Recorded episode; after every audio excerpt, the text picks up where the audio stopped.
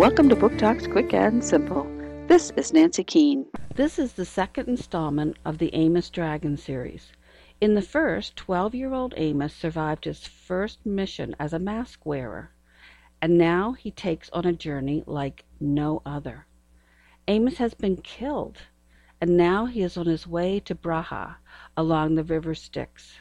He is accompanied by Jerek, a criminal who has been decapitated and now carries his head with him wherever he goes. Jerek tells Amos that Braha is overcrowded with spirits wanting to move on, but the gods have locked the doors that lead to paradise, or down below. It is up to Amos to find the key to open the doors so the spirits can complete their journey. Maybe then he can return to the land of the living. The Key to Braha by Bryan Perro. Delacorte, 2012.